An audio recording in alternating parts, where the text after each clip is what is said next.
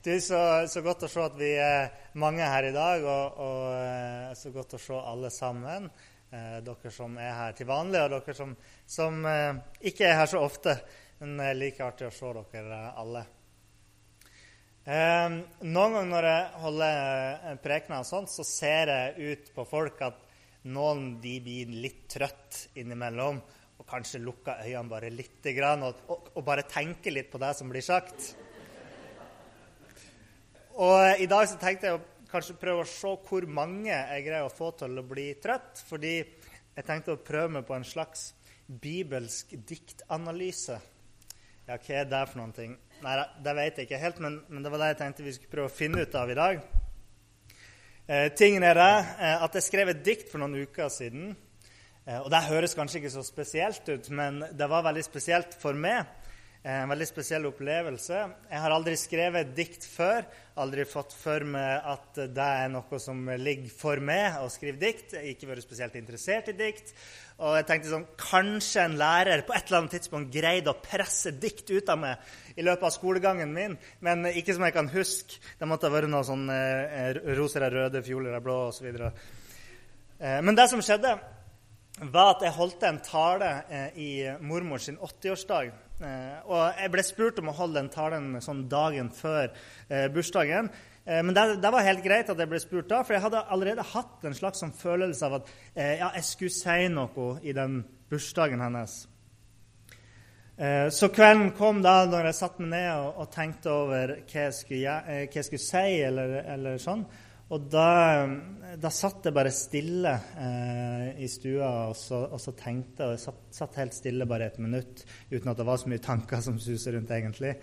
Eh, og ja, plutselig så, så, så, kom det bare over meg eh, no, Eller jeg, kjente, jeg, så for meg noen bilder, eller liksom hørte noen ord, eller, eller bare forsto at her, her kommer det noe som, som jeg skal snakke om. Jeg vet ikke helt hvordan jeg skal forklare det for dere, men, men um, det var som om at Gud kalte meg til å skrive et dikt. At han talte til meg, snakka til meg. Du vet, Her i menigheten så tror vi på en, en, levende Gud som har evnen til å ta kontakt med oss mennesker og snakke til oss. Og Da sprang jeg opp på rommet mitt, for å være alene. Og da kjente jeg liksom, Med en gang de her tankene begynte å komme, så jeg kjente at hjertet slo eh, raskere. Og, og, jeg kom opp på rommet, og, og tårene bare trilla, liksom. Og jeg sa til Gud ja, jeg skal skrive. Jeg bare kjente at nå, nå må jeg bare skrive, liksom. Nå må jeg bare skrive det her, for eh, Gud vil at jeg skal skrive et dikt. Så jeg skrev og jeg skrev, og etter noen timer så, så var det ferdig. Og, og når jeg leste det i bursdagen, så Eh, så ble det veldig sånn, spesiell atmosfære der. Det var som at, eh, at ja, det var noe i lufta der som man ikke helt kunne sette ord på. Eh, og det var bare en bursdag.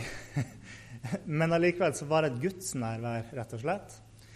Og mamma, som på en måte leda denne bursdagen, hun, hun gikk fram etter meg, og, og så tenkte jeg seg sjøl Hvordan skal jeg ta det her videre? For da var det nærmest som en sånn ettermøtestemning der man kunne ha invitert til forbønn. Eh, og, og det tror jeg ikke sier så mye om selve diktet som jeg skrev, men det sier at Gud var med i den prosessen. da. Eh, så, så det at når, når, jeg kom i bursdagen og leste diktet, se hvordan, eh, hvordan, folkene der responderte på det, hvordan, eh, hvordan, øynene var fylt med tårer, og sånne ting, så ble det en bekreftelse for meg på at det var virkelig Gud som hadde inspirert meg til å skrive dette diktet. Og jeg, hevder ikke at Gud inspirerte meg på samme måte som bibelforfatterne var inspirert. liksom, Eh, men, men, men, alt føltes helt riktig, og, og, og, det føltes heller ikke som at det var min idé, eller at det var jeg sjøl som på en måte tok initiativ til å skrive de her ordene, men at Gud la det på hjertet mitt. Og I de dagene som, som fulgte, så greide jeg ikke å legge fra meg det her diktet, for det, det ble så sterkt for meg. Og, og jeg følte jo det at her var ikke fra meg sjøl, så derfor jeg leste det om igjen og om igjen. Og om igjen. Og, jeg kjente at jeg ser bare mer og mer av dybden i de her ordene. Uh, og Derfor så tenkte jeg vi skulle se litt nærmere på akkurat det diktet i dag. Uh, og, og, se litt på hvordan forholder det seg til Guds ord, da, uh, for å sjekke at det er basert på bibelske sannheter. så, så, diktet i seg sjøl er en slags beskrivelse av et menneskes liv. Og, og helt konkret livsreisen til en person som opplever å bli frelst av Gud, den veien eh, et menneske tar. Og Det begynner med de to første versene her. Ingen minner om hvor jeg kom fra. Ingen minner om hvem jeg var. Ut på ferd mot ukjent farvann, langt av gårde til uvisst land. Min egen kraft er nok for meg, noen andres hjelp jeg trenger ei. Det var det jeg tenkte da, langt tilbake da jeg la ifra. Og det her er jo sagt av en person som ikke tror på Gud, en som har fornekta Han som sin skaper. Han veit ikke hvor han kom fra, og han veit ikke hvor han skal. Fordi han kjenner ikke Gud, han kjenner ikke Guds sannhet, han kjenner ikke Guds vei. Og eh, det her er en, en, ting som man ser igjen og igjen i Bibelen, som en beskrivelse av folk som, har, har, har, som, ikke, som ikke, følger Gud. I Isaiah 53, 6, der står det Vi gikk oss alle vill som sauer. Vi tok, Hver tok sin egen vei. Så man, man, man er som en flokk med sauer som har gått seg vill når man går sin egen vei. For da går alle i, i forskjellige retninger. Og han Gunnleik Hofstad hadde en preken her for et par uker siden der han snakka om eh, dem har stolt på Gud. Og sjøl om den, den, veien vi går på, ser ut som den rette, så har kanskje Gud en annen vei for oss. For med våre øyne så kan det se ut som at vi er på rett vei, sjøl om vi egentlig er på vei eh, i helt feil retning, sånn som de her folkene som Gunnleik snakka om i Apostlenes gjerninger der kapteinen og alle de her med sin menneskelige visdom tenkte at nei, nå går vi om bord i skipet og seiler fordi det ser ut som det kommer til å gå bra, mens Paulus hadde fått noe fra Gud om at vi bør ikke legge ut på sjøreisen nå. Og Paulus fikk jo rett, til tross for at den menneskelige sett så, så veien rett ut. Eh, men det endte jo med skipsforlis da. Eh, og grunnen til det er jo at vi kjenner ikke vår far i himmelen. I Johannesevangeliet så sier Jesus nettopp da at de som gjør onde ting, det er de som fornekter Jesus. Og det gjør de fordi, det, fordi de ikke kjenner Gud. De kjenner ikke sin far. Og når vi tror at vi går på veien alene, så tror vi òg at vi er i stand til å redde oss sjøl. Og det her ser vi jo med de som, som går på denne veien alene. At, at de tror at at de kan leve perfekte liv, at de kan følge sånne religiøse lover som lever et liv som de tror er så godt at Gud, eh, Gud sier 'Wow, du er jo nesten like god som meg. Kom inn i himmelen', liksom. Eller at man, eh, man eh, ja, prøver å komme inn, til, inn, i himmelen ved å gjøre, gjøre livet sitt godt, på en måte. Og vi ser det i de som tror at Gud er overflødig at uh, de tenker at Gud er bare noe som mennesker har funnet på, og derfor så vender de seg bort fra han og går sin egen vei. Sånn som Paulus han skriver i Romerbrevet kapittel 1, vers 21 og 22, at de kjente Gud, men likevel lovpriste og takket de ham ikke som Gud. Med sine tanker endte de i tomhet, og deres uforstandige hjerter ble formørket. De påsto at de var kloke, men de endte i dårskap. Så det er mennesker som tror de har funnet sin egen vei, men som egentlig ender med, ja, ender med å, å, havne helt på feil sted.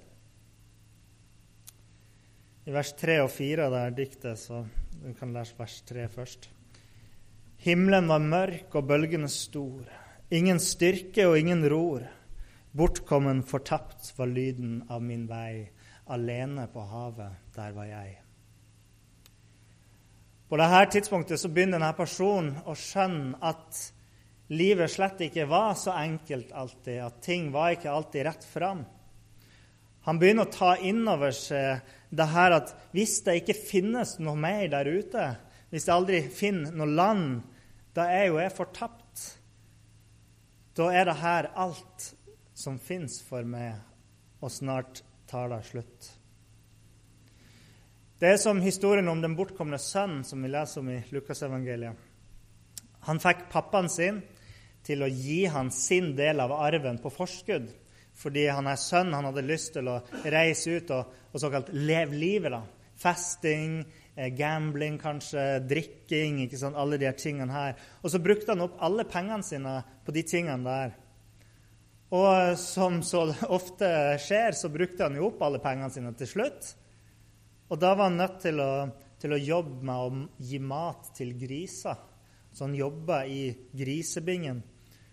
Og han eh, var så sulten fordi han hadde ikke mat, så han prøvde å spise maten til grisene. Men, men grisene er jo griser, og de vil ikke dele på maten sin. Så han fikk ikke til å ta engang maten til grisene.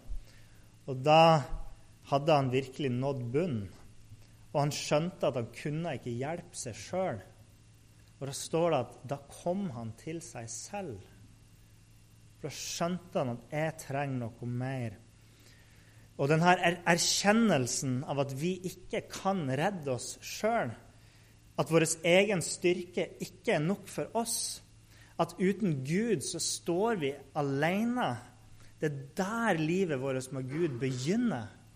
Det med den oppdagelsen av at, av at det må være noe mer. Jeg, må, jeg trenger noe mer enn meg sjøl hvis det skal være en framtid for meg. For når vi innrømmer det, det er da vi begynner å søke Gud. I vers 4 i det diktet står det Med ett jeg hørte en stemme i vinden, et hvisk som fikk stormens brøl til å stilne. Nytt håp om et liv et sted langt der fremme, nå som stillheten omga meg. I historien om den bortkomne sønnen så står det at, eh, at han kom til seg sjøl. Og da reiste han tilbake til faren sin. For da skjønte han at det han hadde reist ifra, det var det som egentlig var godt for han. Og denne personen i diktet han oppdaga nå at det finnes et håp at det finnes kanskje en Gud som gir håp for framtida.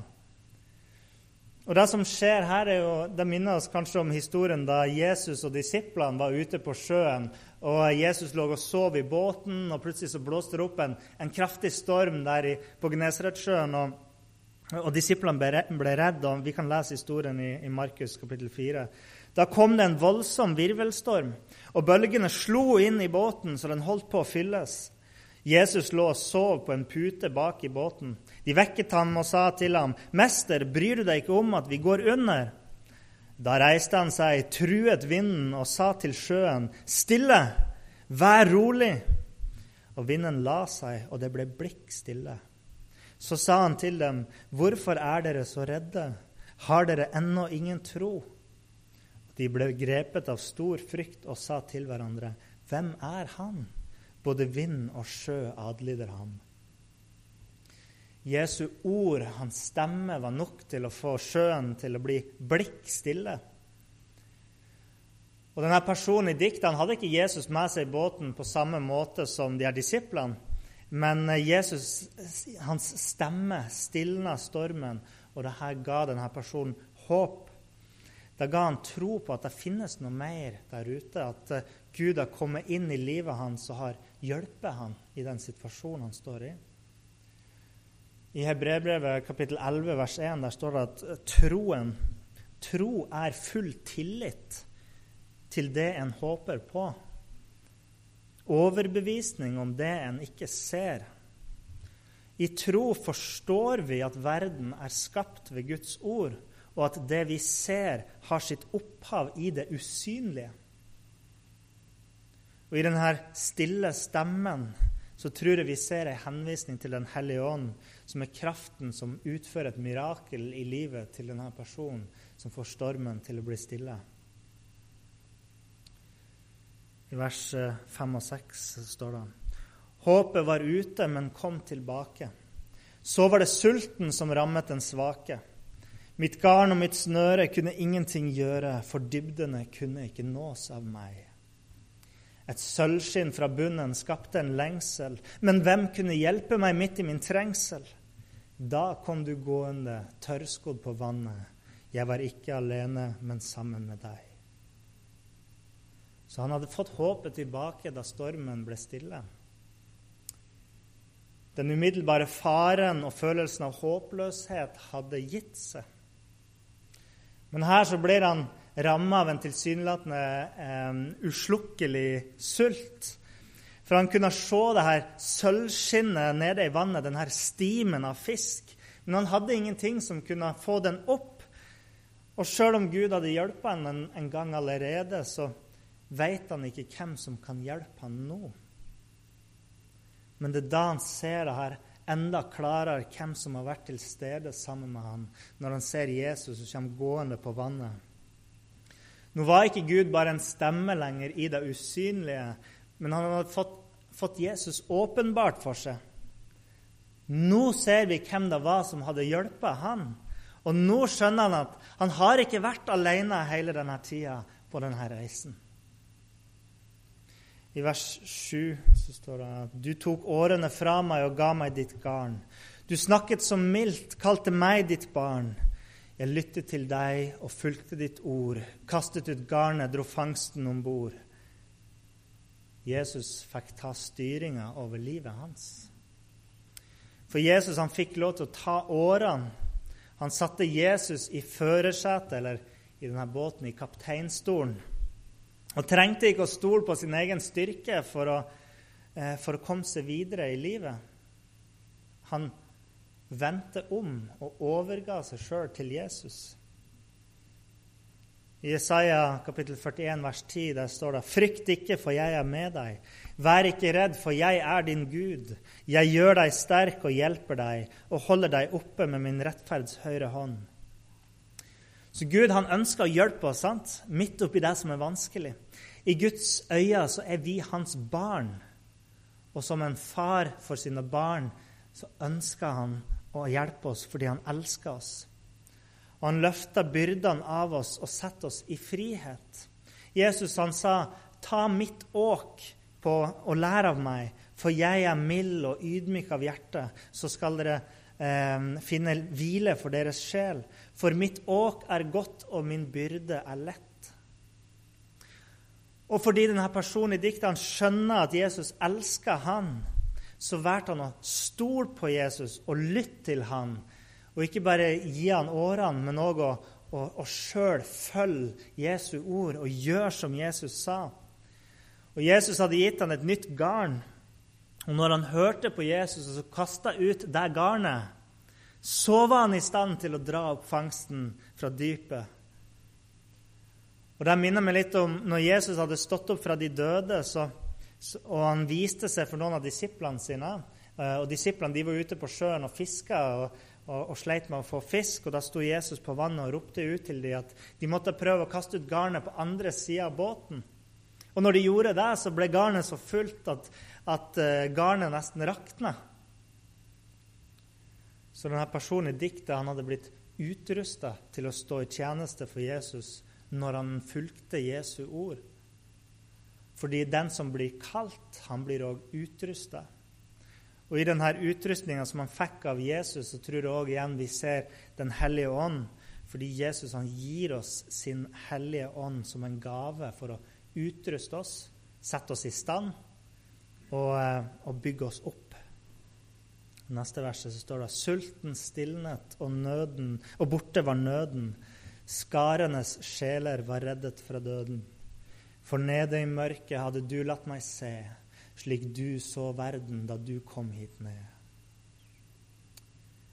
Så det denne personen hadde fått, var ingen vanlig sult. Og det sølvskinnet han så nede på bunnen, det var ikke fisker, men menneskesjeler. Og slik hadde Gud sett på oss mennesker når han så ned på en ødelagt verden, så så han likevel et sølvskinn som han ønska å redde opp fra det mørket. Og han, eh, Personen i båten her, han hadde fått en lengsel etter at andre mennesker skulle få oppleve Gud på samme måte som han. Og at de han hadde prøvd å nå med sine egne eh, krefter og sine egne verktøy, de var, de var utafor hans egen rekkevidde. Han, han kunne ikke overbevise dem av sin egen kraft. Kanskje prøvde han å, å redde dem ved å være snill og hjelpsom med dem, og hjelpe dem med andre sine vanskeligheter. Kanskje han prøvde å overbevise dem med å leve et godt liv og være et forbilde for dem. Men det nytta ikke. Fordi bare ved at Jesus kom og åpenbarte seg for han og ga han de verktøyene han trengte, så kunne han slukke denne nøden han hadde i hjertet, og redde de her sjelene. For uansett hvor mye godt vi gjør mot et menneske i denne verden, så hjelper ikke det hvis vi ønsker å få de inn i den neste verden, inn i himmelen. Vi kan ikke redde oss sjøl eller andre, men bare Jesus kan frelse oss. Og Jesus han har kalt oss til å være nettopp menneskefiskere. Og han sa, 'Gå ut i hele verden og forkynn evangeliet for alt det som Gud har skapt.' Og sulten som denne personen hadde fått, var nettopp en Guds kjærlighet for alle mennesker, om at de òg skulle bli frelst, slik han hadde blitt redda fra havet. De neste versene er sånn her. Du rodde meg til kysten av hellighetsriket. Så stø en grunn mine ben til meg skriker. En hjelpeløs seiler var trygt i havn, bare på grunn av ditt mektige navn. Hvordan kunne jeg kommet hit foruten at du drev mitt skip? Og tusen andre på åpent hav du ledet hit fra stormens kav. Denne personen lot Jesus ro båten hans gjennom hele livet, helt til han var kommet fram til himmelriket. Aldri før hadde han opplevd å stå på en så stø grunn før, før han kom dit til eh, fredens rike. Endelig var han for alltid trygg fordi Jesus hadde redda han. I Salme 26, 12 så står det 'Min fot står på jevn grunn'. Og i Salme 143, 10, 'La din gode ånd lede meg på jevn grunn'. Det er det våre hvileløse føtter leter etter og lengter etter. At vi ikke skal vakle mer, at vi skal bli kvitt usikkerheten som vi møter i livet, men å stå på stødig grunn der all tvil er borte. Og for oss her og nå så er den stødigste grunnen vi kan stå på, det er Jesus. Og det er det som er denne personen i diktet sitt resonnement. At han aldri kunne komme seg dit uten at Jesus hadde redda han og leda han. Og det samme var sant for de tusenvis av andre som Jesus hadde brakt med seg dit. I Titus vers, kapittel 3, vers 4-7 så skriver Paulus men det ble åpenbart hvor god vår Gud og frelser er, og at han elsker menneskene. Og han frelste oss ikke av våre rettferdige gjerninger, men fordi han er barmhjertig. Han frelste oss ved badet som gjenføder og fornyer ved Den hellige ånd, som han så rikelig har øst ut over oss, ved Jesus Kristus, vår frelser. Så vi skulle bli rettferdige ved Hans nåde og bli arvinger til det evige liv, som er vårt håp.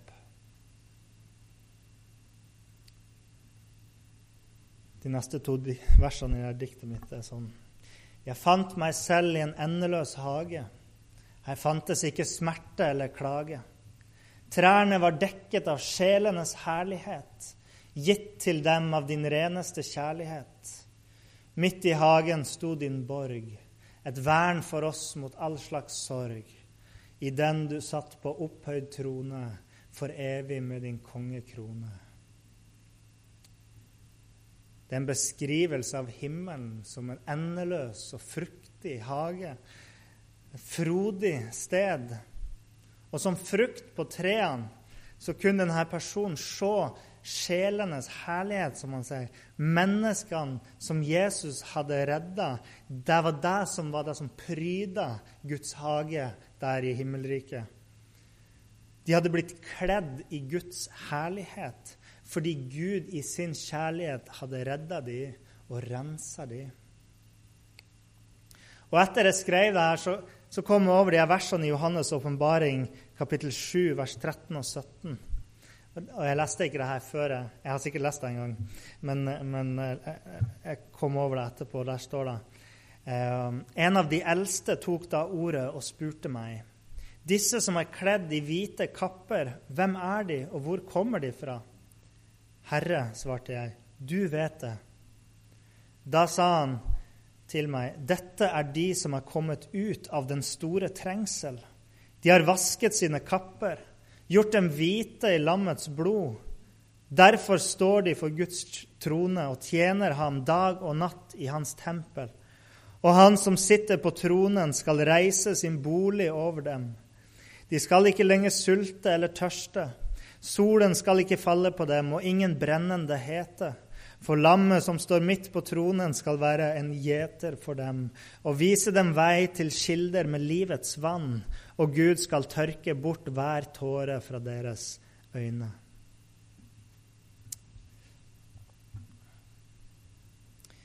Og de neste versene i, i diktet Alt du var og er og forblir, og at du oss din frelse gir, tapper kraften fra våre ord vi tvinges på kne her ved ditt bord. Bort fra deg hadde jeg satt seil, men i dine øyne jeg så et speil. Hvor jeg kom fra, hvem jeg var. Jeg skjønte at du var min far. Og Nå står han ansikt til ansikt med Gud, og da kan han ikke gjøre noe annet enn å falle på kne for Guds storhet. Og han innser nå at det stedet han først hadde seilt ut ifra, det var Gud. Fordi i Gud så innser han nå at stedet eh, der han kom fra Han kom ifra Gud. Til å begynne med så sa han ingen minner om hvor jeg kom fra. Han visste ikke. Han kjente ikke Gud. Men i Gud så ser han noe som han òg hadde sett i seg sjøl. Han hadde alltid hatt noe av Gud i seg fordi han hadde båret med seg et bilde av Gud. Og Derfor hadde han en lengsel etter å komme tilbake til sin far. Og Nå falt brikkene på plass, og han skjønte at hele denne tida så var det Gud som var hans far. Og Gud var ikke bare enden på hans reise, men han innså at Gud var òg hans begynnelse. I 1. Johannes brev så skriver han i kapittel 3.: Se hvor stor kjærlighet Far har vist oss vi får kalles Guds barn. Ja, vi er det. Verden kjenner oss ikke fordi den ikke kjenner ham. Mine kjære, nå er vi Guds barn, og det er ennå ikke åpenbart hva vi skal bli. Men vi vet at når Han åpenbarer seg, skal vi bli lik ham, for vi skal se ham som han er. Det siste verset i diktet mitt er Hvem kan minnes mørket mer når kun ditt nådes lys jeg ser. Her i det evige land med deg, her i det evige land med deg. Ja, alt det som denne verden kan kaste på oss av byrder, lidelser og vanskeligheter, de vil blekne og bli borte for oss når vi omfavnes av Guds lys i paradis, når vi innser hvilken godhet som finnes i Gud. Og Her og nå så kan vi snakke om det å leve i håpet om at det som, vi lever i håp om det som skal komme. Men den dagen vi kommer til paradis, så skal vi ikke bare se eh, et oppdelt bilde av hvem Gud er, eller, eller hva Guds godhet er, men da skal vi se hele fullendelsen av Jesu verk og Guds godhet. Og da skal det vi håper på og skimter nå, og det vi tror på nå, det skal bli den virkeligheten vi da lever i. Og da trenger vi ikke lenger å tro og håpe. Da trenger vi bare å være i Guds kjærlighet.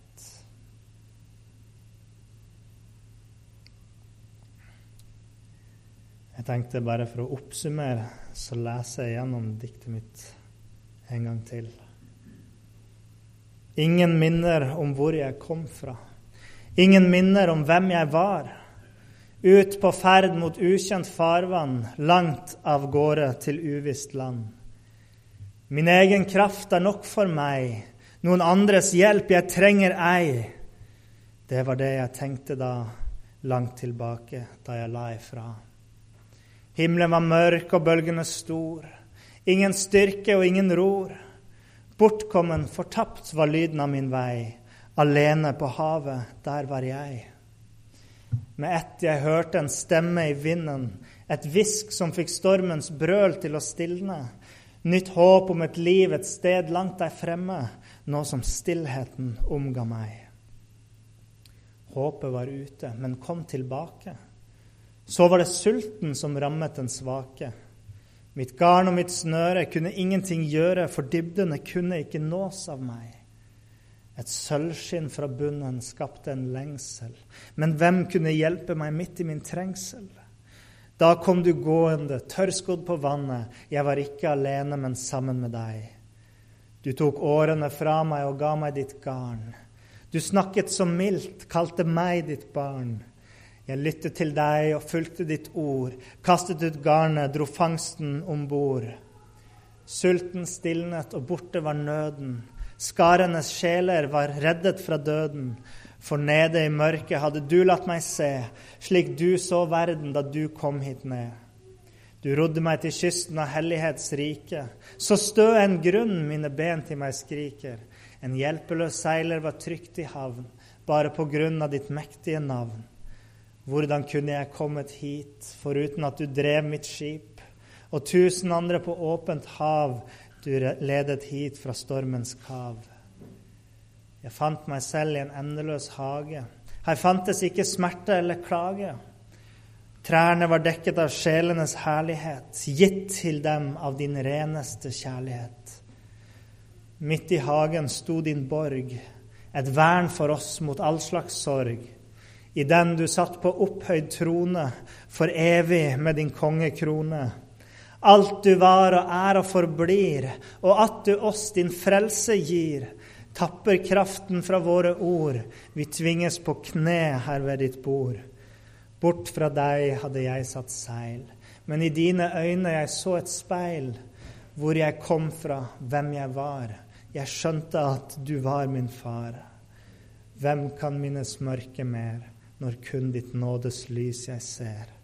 Her i det evige land med deg, her i det evige land med deg.